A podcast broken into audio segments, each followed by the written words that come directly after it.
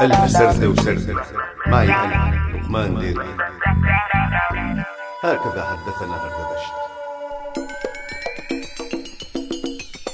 يا حرام حرامي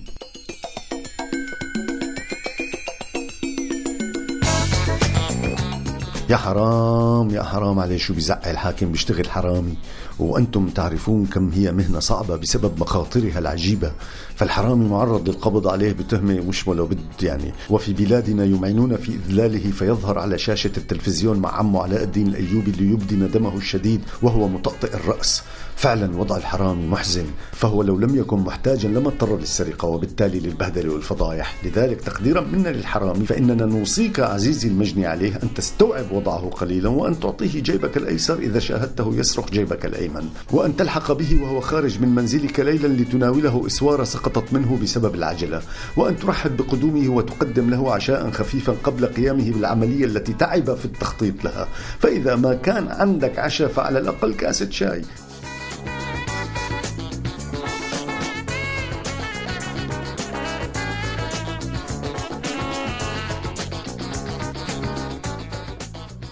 أخي المسروق إذا ما أعجب الحرامي بزوجتك ولطشها بطريقة منك فلا تنسى في اليوم التالي أن ترسل له أختك وأمك بال DHL وإذا مد يده وشفط خدك الأيمن فلا تنسى أن تدير له خدك الأيسر حتى تظهر أضراسك بما فيها ضرسي عقلك كي تقول الناس عنك بأنك عاقل كتير.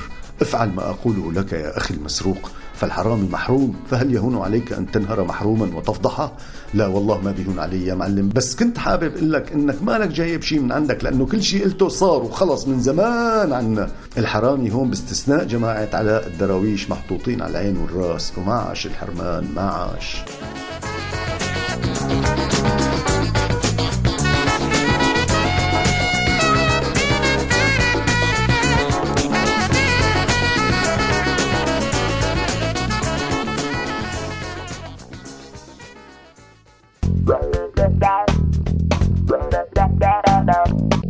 هكذا حدثنا هردبشت